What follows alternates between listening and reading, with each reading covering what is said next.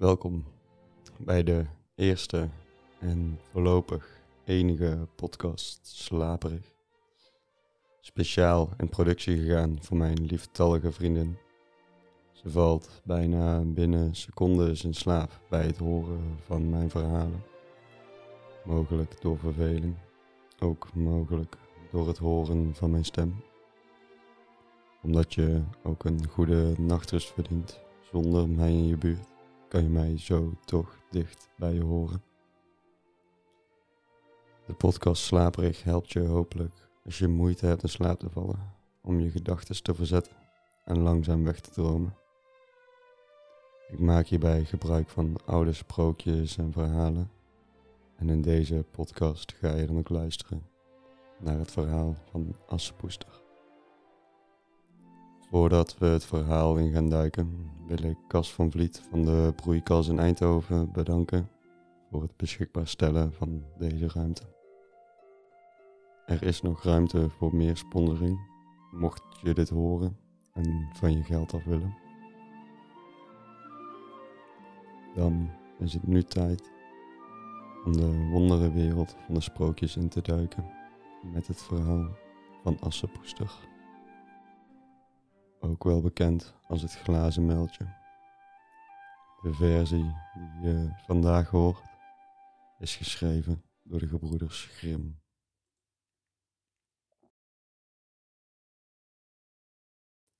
Er was eens een rijk man. Zijn vrouw lag ziek in bed. En toen ze haar einde voelde naderen, riep ze haar enige dochtertje bij zich en zei: Lief kind, Blijf vroom en goed, dan zal de lieve God je altijd helpen. En ik zal van de hemel op je neerzien en bij je zijn. Daarop sloot ze haar ogen en stierf. Het meisje ging elke dag naar het graf van haar moeder en schreide daar en zij bleef vroom en goed. Toen het winter werd, spreidde de sneeuw een blank dek op het graf. En toen de voorjaarszon het er weer af had genomen, nam de man een tweede vrouw. De vrouw had twee dochters mee ten huwelijk gebracht. Ze hadden mooie blanke gezichtjes, maar ze waren lelijk en zwart van hart. Een kwade tijd werd het voor het arme stiefkind moet die domme gans bij ons zitten, zeiden ze. Weg met die keukenmeid. Ze namen haar mooie kleren weg, trokken naar een grauwe kiel aan en klompen. Kijk eens naar die trotse prinses. Ziet ze er niet fraai uit? En lieten haar in de keuken alleen achter. Daar moest ze van de ochtend tot de avond zwaar werk doen. Voor dag en dauw opstaan, water dragen, vuur aanmaken, koken en wassen. Bovendien trachten de zusters haar alle denkbare verdriet te doen. Ze bespotten haar, gooiden de erten en de linzen in de as, die ze er dan weer uit moest vissen en als ze s'avonds moe gewerkt was, mocht ze niet naar bed, maar moest naast de haard in de as liggen. Daardoor was ze altijd stoffig en vuil, en zo noemden ze haar Assepoester. Toen gebeurde het dat de vader eens op reis moest, en hij vroeg twee stiefdochters wat ze wilden dat hij voor hen meebracht. Mooie kleren, zei de eerste. Parels en edelstenen, de tweede. En jij, Assepoester, zei hij, wat wil jij hebben? Vader, als op uw terugreis een takje tegen uw hoed stoot, breng dat voor me mee. Hij kocht voor de beide stiefzusters mooie kleren, parels en edelstenen. Op de terugweg reed hij door een bos daar zwiepte een tak van een hazelaar tegen zijn hoed en stootte die af. Die tak brak hij af en nam hem mee. Bij zijn thuiskomst gaf hij de stiefdochters wat ze voor zichzelf hadden gewenst. En een assenpoester gaf hij de hazeltak. Assenpoester bedankte hem, ging naar haar moeders graf en plantte de tak daarop. Ze schreide zo dat haar tranen erop neerkwamen en de aarde vochtig maakten. Het takje sloeg daardoor aan en groeide en werd een mooie boom. Assepoester ging er elke dag drie maal heen, schreide en bad. En elke keer kwam er een wit vogeltje in de boom. En als ze iets wenste, dan gooide het vogeltje alles wat ze vroeg naar beneden. Nu gebeurde het eens dat de koning een feest zou geven, dat drie dagen zou duren. Alle mooie meisjes van het land werden uitgenodigd, want de prins moest een bruid zoeken. De twee stiefzusters hoorden dat ze ook uitgenodigd werden. Ze waren heel vrolijk en ze riepen Assepoester en zeiden: Je moet ons haar doen, de schoenen poetsen en de gespen vastmaken. We gaan naar de bruiloft in het paleis. Assepoester gehoorzaamde, maar ze moest schreien, omdat ook zij graag naar het bal was gegaan. En ze vroeg de stiefmoeder dit haar ook toe te staan. Jij, Assepoester, zei ze, jij met al je stof en vuil, wou jij naar het bal? Je hebt geen kleren, je hebt geen schoenen en jij wou dansen. Toen ze echter bleef vragen, zei ze eindelijk, nu heb ik een schotel linzen in de as geschud. Als je die in twee uur hebt uitgezocht, mag jij naar het bal. Het meisje ging door de achterdeur naar buiten en riep, Lieve duifjes, tortelduifjes, alle vogeltjes onder de hemel, kom eens helpen. Daar kwamen door het keukenraam twee witte duiven aanvliegen en dan de tortelduifjes. En eindelijk warrelden en dwarrelden daar alle vogeltjes uit de lucht en ze streken allemaal in de as neer. En de, en de duiven knikten met de kopjes en begonnen pik, pik, pik. En toen begonnen de andere vogels ook pik, pik, pik. En alle goede linzen kwamen in de grote schotel. Nauwelijks was een uur om, of ze vlogen allemaal weer weg. Nu bracht het meisje de schotel naar haar stiefmoeder.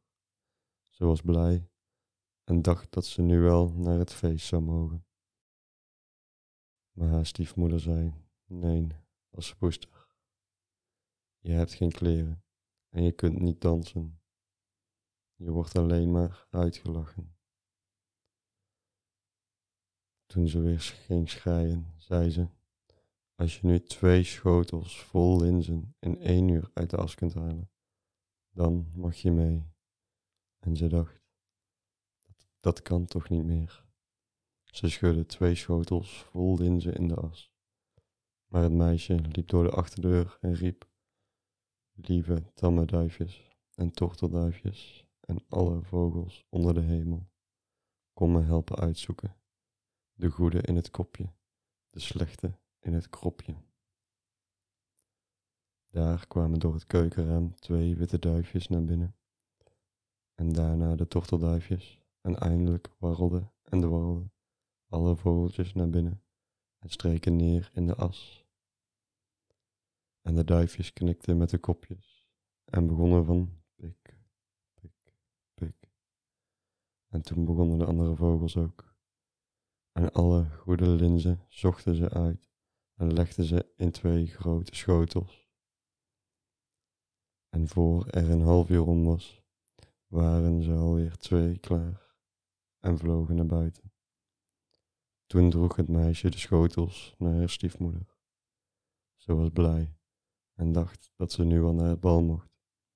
Maar zij sprak: Het helpt je toch niets. Je mag niet mee, want je hebt geen kleren en je kunt niet dansen en we zouden ons voor je schamen. Nu was er niemand meer thuis en Assepoester ging naar haar moeders graf onder de hazelaar en riep, Boompje, schud u heen en weer, werp goud en zilver op mij neer. Toen gooide het witte vogeltje een gouden en zilveren baljurk naar beneden en met goud en zilver bestikte schoentjes. In allerijl maakte ze zich klaar, trok het gewaad aan en ging naar het bal. De zusters evenwel en de stiefmoeder herkenden haar niet en dachten dat het een vreemde prinses was. Zo mooi zag zij eruit in haar gouden gewaad.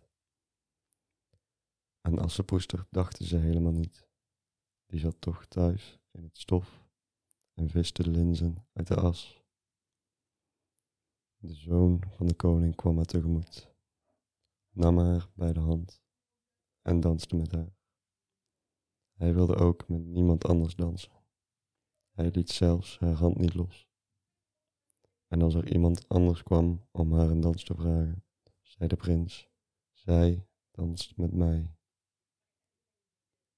Ze danste tot de avond. Toen wilde ze naar huis, maar de prins zei, ik ga mee en zal u thuis brengen. Want hij wilde zien waar het mooie meisje woonde. Maar ze ontglipte hem en sprong in de duiventil. Nu wachtte de prins tot zijn vader kwam en hij zei dat het onbekende meisje in de duiventil gesprongen was. De koning dacht, zou het Assepoester zijn? En men moest hem bijl en houweel brengen, zodat hij de duiventil kon ommakken. Maar er zat niemand in. En toen de anderen thuis kwamen, lag Assepoester in een vuile, grauwe kiel in de as. En een olielichtje brandde op de schoorsteen. Want Assepoester was duidelijk achter uit de duiventil gesprongen en naar de hazelaar geslopen. Daar had ze de mooie kleren uitgetrokken en op het graf gelegd, en de vogel had alles meegenomen. En daarna was ze in haar werkkiel gaan slapen in de as. De volgende dag begon het feest opnieuw. En toen de ouders en de stiefzusters weer weg waren, ging Assepoester naar de hazelaar en riep: Boompje, schud u heen en weer, werp goud en zilver op mij neer. Toen gooide het vogeltje een nog veel prachtiger gewaad naar beneden dan dat van de vorige dag. En toen ze hiermee op het bal kwam, was ieder verbijsterd door haar schoonheid. De prins had gewacht tot zij kwam. Hij greep haar hand en danste alleen met haar. Toen er anderen kwamen en een dans vroegen, zei de prins: Zij danst met mij. Toen het avond werd, wilde ze weg. En de prins liep haar na en wilde zien waar ze in naar huis ging. Maar ze sprong weg in de tuin achter het paleis. Daar stond een mooie grote boom met heerlijke peren. Ze klom zo vlug als een eekhoorntje tussen de takken en de prins kon niet zien waar ze was. Hij wachtte tot de koning kwam en zei tegen hem: Het vreemde meisje is me ontsnapt. En ik dacht dat ze in de peren klom, in de perenboom klom. Zijn vader dacht: Zou het Assepoester zijn? En liet een bijl halen en hakte de perenboom om. Maar er zat niemand in. En toen de anderen thuis kwamen, lag zij in de keuken als altijd want ze was er aan de andere kant van de boom afgegleden, had haar mooie kleren aan het vogeltje in de hazelaar gebracht en weer het grauwe kieltje aangetrokken. Toen de derde dag de ouders en de zusters weer naar het feest waren, ging Assepoester weer naar haar moeders graf en zei tegen het boompje: Boompje, schud u heen en weer, werp goud en zilver op mij neer. Nu wierp Vogeltje een prachtig glanzende dansjurk naar beneden, zo mooi als ze nog nooit gehad had. En de schoentjes waren helemaal van goud. Toen ze zo gekleed op het bal kwam, wist niemand zijn bewondering onder woorden te brengen. De prins danste alleen met haar, en als iemand anders kwam, zei hij, zij danst met mij. S'avonds wilde Assepoester weg en de prins wilde haar naar huis begeleiden, maar ze ontglipte zo snel dat hij haar niet meer zag. Maar de prins had een list gebruikt en de hele trap met pek laten bestrijken. En haar linkerschoen was bij het wegvluchten op de trap blijven steken. De prins nam de schoen, klein en sierlijk en van zuiver goud. De volgende morgen ging hij naar de koning en zei: Niemand wordt mijn vrouw dan wie dit schoentje past. De beide zusters waren al blij, want ze hadden mooie voeten. De oudste ging met de schoen naar binnen en wilde hem passen, en de moeder stond erbij. Ze kon er met haar grote teen niet in. Toen gaf de andere moeder haar een mes en zei: Snijd die teen af. Als je koningin bent, hoef je toch niet meer te lopen. Het meisje sneed de teen af, dwong de voet in het schoentje, verbeet haar pijn en ging naar de prins. Toen nam hij haar als zijn bruid op het paard en reed met haar weg. Maar ze moesten voorbij het graf. Twee duifjes zaten in de hazelaar en riepen: Roekedoe, roekedoe, er is bloed in de schoen. Deze schoen is veel te klein, het zal de echte bruid niet zijn. Toen keek hij naar haar voet en zag dat er bloed uit de schoen liep. Hij wendde zijn paard, bracht de onechte bruid weer naar huis en zei: Dat was de goede niet. De andere zuster moet maar eens proberen. Deze ging naar binnen en de tenen pasten erin, maar de hiel was te groot. De, meis, de moeder reikte haar een mes aan en zei: Snijd een deel van de hiel weg. Als je koningin bent, hoef je toch niet meer te lopen. Het meisje sneed een stuk van haar hiel af, perste de voet in de schoen, verbeet haar pijn en ging naar de prins. Hij nam haar als zijn bruid, voor op het paard en reed met haar weg. Toen ze langs de hazelaar kwamen, zaten daar de twee duifjes in en riepen: Roeke de koe, roeke de koe, er is bloed in de schoen. Deze schoen is veel te klein. De echte bruid zal hier niet zijn. Hij keek naar haar voet en zag dat het bloed uit haar schoen liep en haar witte kous vol bloed zat. Toen wendde hij zijn paard en bracht de verkeerde bruid weer naar huis. Dit is ook de goede niet, zei hij. Is hier geen andere dochter? Nee, zei de man. Alleen is er van mijn overleden vrouw nog een klein stumperig assenpoestertje. Dat kan het onmogelijk zijn. De prins zei dat ze haar hier moesten brengen. Maar de moeder zei, wel nee, die is veel te vuil, die kan niet komen. Hij wilde het echter toch, en Assepoester moest en zou geroepen worden. Toen ging ze eerst haar gezicht en haar handen wassen, en toen ging ze naar de prins boog en hij reikte haar de gouden schoen. Ze ging op een bankje zitten, deed de lompe klomp af en stak haar voet in het schoentje en dat zat als gegoten. Ze stond op, keek naar de prins aan en zo herkende hij het mooie meisje dat met hem had gedanst en hij riep, dat is de echte bruid. De stiefmoeder en de beide zusters verbleekten van boosheid. Maar hij nam Assepoester op zijn paard en reed met haar weg.